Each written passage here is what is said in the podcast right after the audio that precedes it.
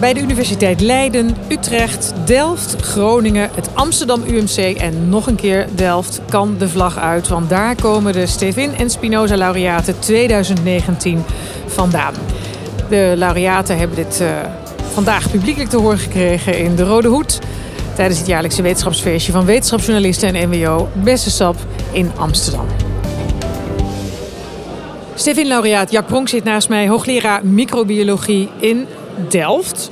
Stan Gielen zei net van MWO. Um, de Stevinprijs gaat naar um, uh, een project of een persoon waar, of onderzoek waar de maatschappelijke impact uh, 50% deel van uitmaakt. Bij uw project lijkt me dat uitermate duidelijk. Bioethanol uit maisafval. Daar ging het eh, filmpje over waarmee u werd geïntroduceerd. Dat is waar u zich mee bezighoudt?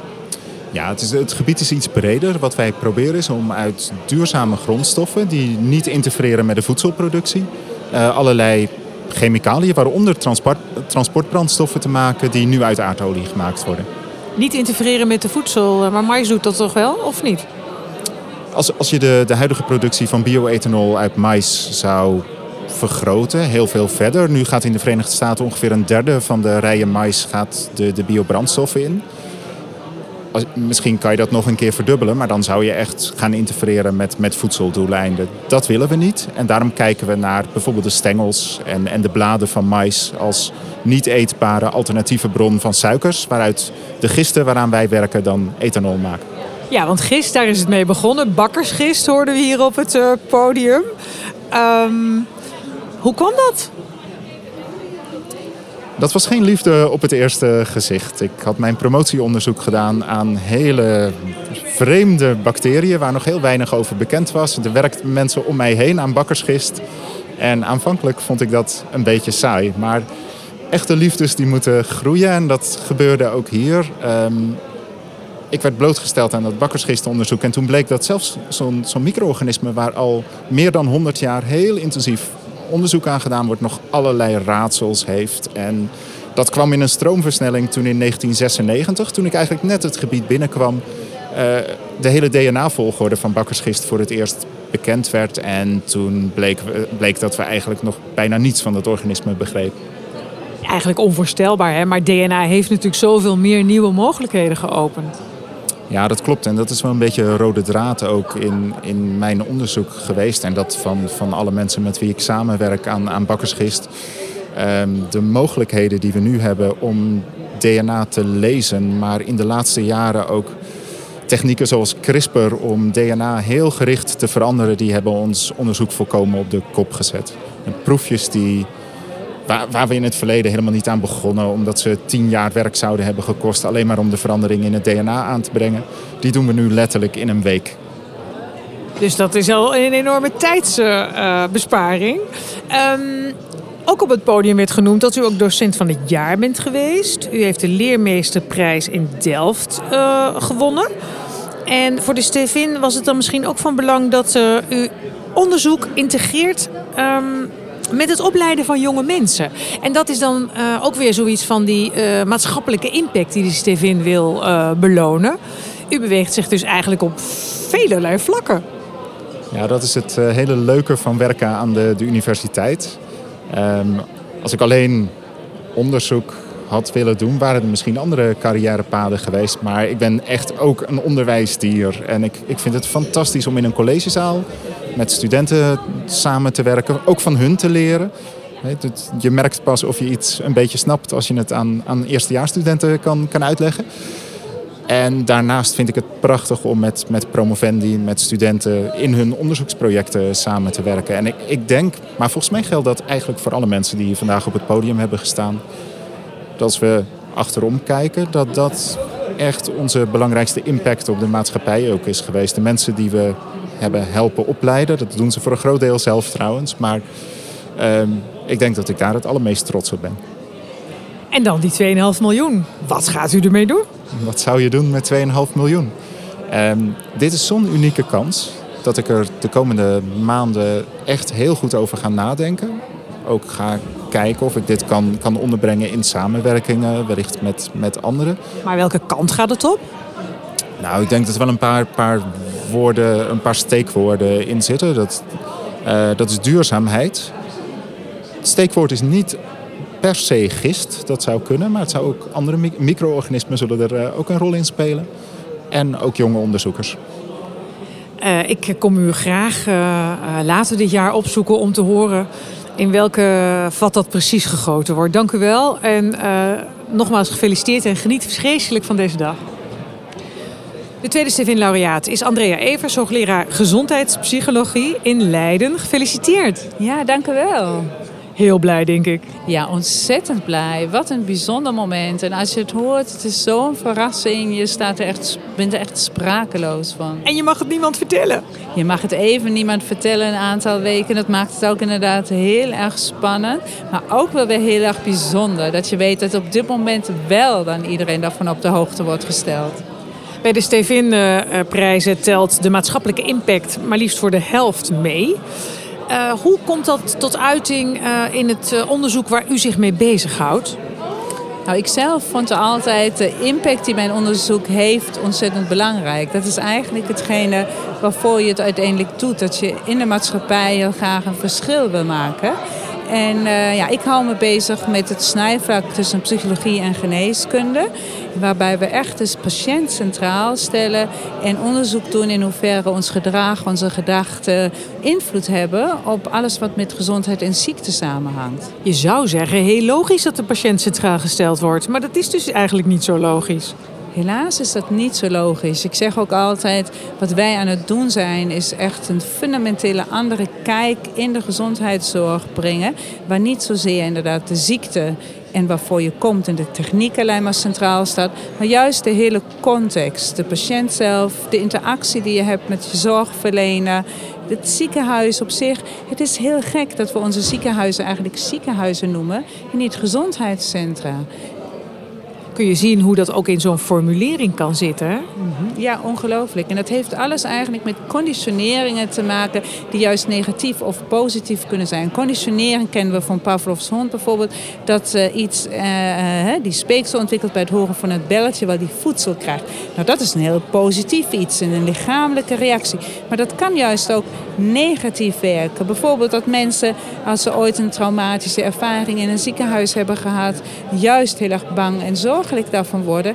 En alleen maar daardoor juist veel meer bijwerkingen kunnen ervaren of een juist ongunstige beloop van hun aandoening. Eigenlijk, zei u, is dit een prijs voor de patiënt. Het is echt een prijs voor de patiënt om daar het verschil te maken. En de zorg echt met een andere manier daarna te laten kijken. Het mooie is dat we met het fundamentele onderzoek tussen hersengedrag en lichamelijke processen juist kunnen ontrafelen hoe groot de invloed van die patiënt is en van zijn verwachtingen, maar ook van de arts bijvoorbeeld. En wat hij zegt en communiceert en de persoon daarin centraal te stellen. En het mooie is dat artsen en patiënten die weten dat eigenlijk bijna al lang al zelf. Hè? Elke lezing die komt is eigenlijk, zegt iedereen, ja natuurlijk is dat zo, natuurlijk weten we dat. Hoe gek is het toch dat we dat dan niet centraal stellen in onze dagelijkse praktijk van de ziekenhuizen en de zorg. En hoe nodig is dit onderzoek dan niet toch om dat te laten zien? Nou, dat is nu ook onderkend door de jury. En daarvoor heeft u deze prachtige prijs gekregen. 2,5 miljoen groot, maar liefst een mooi bedrag om aan dat onderzoek te besteden. Weet u grofweg al wat u ermee gaat doen? Ik, mijn onderzoek bevindt zich heel erg op het grensvlak tussen verschillende disciplines. Waar ik vanuit de sociale wetenschappen vertrek naar bijvoorbeeld de bruggen te bouwen, de geneeskunde, eh, neurowetenschappen. Nou, juist dit onderzoek op het grensvlak, dat wil ik inderdaad ook graag een impuls daarmee geven. Het is ook denk ik een mooi bewijs om juist dat inderdaad uh, het onderscheid kan maken. We willen ook inderdaad echt naar die toepassingen waarin we de patiënt centraal stellen en kijken naar concrete toepassingen hoe we echt tot een verminderd medicijngebruik kunnen komen. Maar tenslotte willen we ook heel graag de grenzen van de wetenschap zelf een beetje verleggen. En bijvoorbeeld starten we met projecten waar ik met kunstenaars samenwerk. Om juist ook die input te gebruiken om juist met het creatieve proces van de wetenschap weer verder te gaan. Ja, dat vind ik zo interessant en boeiend daaraan. Ja, prachtig. Bas van Bavel, hoogleraar transities van economie en samenleving, verbonden aan de Universiteit Utrecht. Een Spinoza, gefeliciteerd. Dank u wel. Mooi bedrag hè, 2,5 miljoen. Ik ben er heel blij mee, want het maakt het mogelijk om uh, onderzoekslijnen verder uit te bouwen. Weer nieuwe dingen te gaan ontwikkelen en daar heb ik ontzettend veel zin in. Welke onderzoekslijn wordt uitgebouwd? Nou, ik heb onderzoek gedaan naar de ontwikkeling van markteconomieën. Hoe, hoe die zich door de tijd heen ontwikkelen. En uiteindelijk loopt dat niet goed af. Althans met alle historische markteconomieën die we kennen. Ik ben historicus, ik onderzoek historische markteconomieën. En met geen van die is het goed afgelopen. En waar gaat dat onderzoek zich dan op richten? Hoe wij dat beter kunnen doen? Precies, want dat had een beetje een somber einde. En wat ik zou willen is beter begrijpen hoe samenlevingen erin slagen om ongunstige ontwikkelingen om te draaien. Dus de fundamenten van de open samenleving te versterken. Wat is daarvoor nodig? En hoe onderzoek je dat? Nou, dat doe ik weer door historisch onderzoek. Want ik ga kijken naar allerlei voorbeelden van samenlevingen die succesvol zijn. Die het welvaartsniveau voor hun inwoners, voor de mensen, verhogen. Het goed doen onder de gegeven omstandigheden. En dat doen ze door de spelregels van de economie en de samenleving. Dus de spelregels die mensen zelf vormen voor ja, de manier waarop ze met elkaar omgaan. De manier waarop ze omgaan met natuurlijke hulpbronnen. En als ze dat doen op zo'n manier dat dat uh, leidt tot een grote welvaart, tot een relatief hoge welvaart, dan geeft dat misschien, en dat laat dat bepaalde patronen zien die wij kunnen gebruiken, die inspiratie kunnen bieden, om te zien wat we nu misschien zouden kunnen doen. Ronald Hansson, hoogleraar kwantumfysica, Technische Universiteit Delft. Ook een Spinoza, gefeliciteerd. Dankjewel. Uw naam is heel erg bekend en wordt al heel lang genoemd uh, in dit kader. Wat dacht u? Eindelijk? Nee, nee, nee. Ik was heel erg verrast. U mag eerlijk zijn. Nee, ik ben eerlijk. Uh, ik kreeg een telefoontje zes weken geleden van Stan Gila, voorzitter van de MWO. En ik zat eigenlijk in een vergadering, moest de vergadering uit. En ik kreeg een telefoontje, een enorme glimlach natuurlijk. Alleen toen moest ik de vergadering weer in. Uh, en ik mocht niks zeggen. Dus ik heb toen echt een uur lang met een hele brede grijns aan gezeten. Niks meer gehoord eigenlijk. Uh, in mijn hoofd natuurlijk alleen maar denken aan die, aan die, aan die prijs. Dus in het filmpje ter introductie van uh, uh, u hè, werd gesproken over teleporteren. dat soort termen vallen natuurlijk vaak als over kwantummechanica, kwantumfysica gaat. Want het is natuurlijk een verschrikkelijk ingewikkeld vakgebied. Hè? waarvoor is u nu deze Spinoza toegekend? Leg dat eens uit. Nou, dat moeten we eigenlijk aan de jury vragen natuurlijk. Maar ik, denk, uh, als ik terugkijk, wat, wat ik zelf belangrijk vind de afgelopen jaren... is mijn onderzoek, uh, heb ik echt ons... Ja, uh, zijn we nu in, in staat om enkele elektronen te controleren en helemaal beheersen, ook als ze uit elkaar zijn. En hele rare kwantumeffecten te bestuderen die we eerst niet konden bestuderen. En ook te kijken of we die kunnen gebruiken voor nieuwe technologie. en het is denk ik die combinatie van begrip en technologische mogelijkheden die mij de Spinoza-prijs hebben gegeven. En dan die 2,5 miljoen die eraan komt. Wat gaat u ermee doen? Ja, dat is een hele goede vraag. Uh, daar heb ik natuurlijk al nu een paar weken over na kunnen denken al. Maar ik heb nog geen uh, vast antwoord. Kijk, het is, het is natuurlijk een fantastische uh, uh, pot geld om echt nieuwe dingen te gaan doen. Dus, maar voor de apparatuur die u nodig heeft, uh, heb je ook heel veel geld nodig, hè? Zeker, ja. ja. Dus de, uh, mijn lab staat echt een miljoenen aan apparatuur. Dus ik moet echt even goed nadenken. Maar het bijzondere van dit geld is natuurlijk dat het niet geoormerkt is. Hè? Dus je kan het inzetten zonder dat je er financiering voor hebt aangevraagd. Dus het is een soort oorlogskas, zou je kunnen zeggen, of investeringsbank. Um, dus ik ga even goed over nadenken. Um, waar het ook nuttig voor zou kunnen zijn, is om iets teweeg te brengen in de wetenschap in de bredere zin. Ja, dus uh, er zijn allerlei dingen die wij allemaal, heel veel mensen nog niet goed vinden. En met een beetje van het geld van de Spinoza-premie kan ik daar misschien ook aan bijdragen. Dus daar ben ik ook over aan het nadenken. Misschien voor de popularisering, wat hier het thema is. Want kwantummechanica is geen makkelijk onderwerp, hè? Het is geen makkelijk onderwerp, maar het is wel heel fascinerend. Dus en, en heel belangrijk. Dus ik zou het wel heel erg fijn vinden als we inderdaad daar ook nog wat stappen zouden kunnen zetten. Dus wellicht wordt dit een van de doelen. Veel succes en geniet met volle teugen van deze prachtige dag. Dat ga ik zeker doen. Dankjewel. Amina Helmi is hoogleraar dynamica, structuur en vorming van de Melkweg, Rijksuniversiteit Groningen. Argentijnse van geboorte. Uh, een hele hoge Nederlandse uh, prijs. Gefeliciteerd. Dank u wel, dank u wel. Het is een grote eer om die prijs uh, te hebben gewonnen. Waarom is het zo'n grote eer? Ja, als je kijkt naar de lijst van mensen die staan, die een Spinoza hebben gekregen, het zijn uh, ja, grote heroes. Zeg maar. dus, uh, en u staat nu in dat rijtje van die heroes? Ja, ja ontzettend bijzonder. Wat onderzoekt u aan de Melkweg? ik onderzoek hoe de Melkweg is ontstaan. Dus de Melkweg is ons sterrenstelsel uh, waar wij wonen met de aarde, planeten, zon en miljarden andere sterren. En ik wil graag weten hoe uh, die is ontstaan. Want dat weten we nog steeds niet. Nou, we hebben de eerste aanwijzingen en vooral afgelopen jaar een groot mijlpaal gemaakt. In de zin van, we hebben ontdekt dat de Melkweg is samengesmolten met een ander grote stelsel. En uh, ja, dat was dankzij gegevens van een missie, Gaia. En dus we hebben nu, zijn heel druk bezig met het leren van hoe is dat proces gegaan. En om de geschiedenis te reconstrueren. U had een mooie metafoor. Wij zijn klein, het heelal is heel groot. En wij met de aarde drijven als een soort ruimteschip daardoorheen. Wat een mooi poëtisch beeld. Ziet u het echt zo? Ja, dat zie ik wel zo. De Melkweg is een van uh, miljarden sterrenstelsels. Dus dan geeft ook een perspectief van uh, de Melkweg in vergelijking met het hele heelal. Maar toch is het ons thuis. Dat voel ik echt zo. Wat gaat u doen met die 2,5 miljoen? Uh, ja, verder met dit soort onderzoek. Uh, dus naar de geschiedenis van de Melkweg. Teruggaan, verder teruggaan in de tijd. Wat we nu toe hebben bereikt is terug te gaan 10 miljard jaar geleden. Dus, maar wat is voor die tijd gebeurd? Dat is één deel van dat onderzoek. En het andere deel is uh, beter begrijpen wat donkere materie is en de verdeling daarvan in de Melkweg. Succes daarbij en ik kom over een tijdje graag langs om te horen hoe u dat precies gaat besteden, dat geld. Geniet van deze dag. Dank u wel. Yvette van Kooik is hoogleraar en afdelingshoofd moleculaire celbiologie en immunologie bij het Amsterdam UMC, locatie VUMC. Spinoza ook, gefeliciteerd met deze prijs. Dankjewel. U kijkt er ook breed glimlachend bij. ja, ik uh, kom nu echt helemaal binnen. Dus ik ben ontzettend super blij. Uh, voor mij, maar ook voor het hele team uh, wat met mij dit heeft eigenlijk bereikt. Immunologie staat in het centrum van de belangstelling. Hè? Ja. Is het ehm, de nou ja, techniek, zal ik maar even kort door de bocht zeggen, van de toekomst? nou, het is zeker een onderdeel binnen ons lichaam wat wij tot nu toe te weinig hebben geëxploreerd om in te zetten voor ziektes. Dus ik, en het gebeurt natuurlijk wel steeds meer. En we kennen allemaal immunotherapie bij kanker. Waar, wat enorm eigenlijk een, een, een succes is tegenwoordig.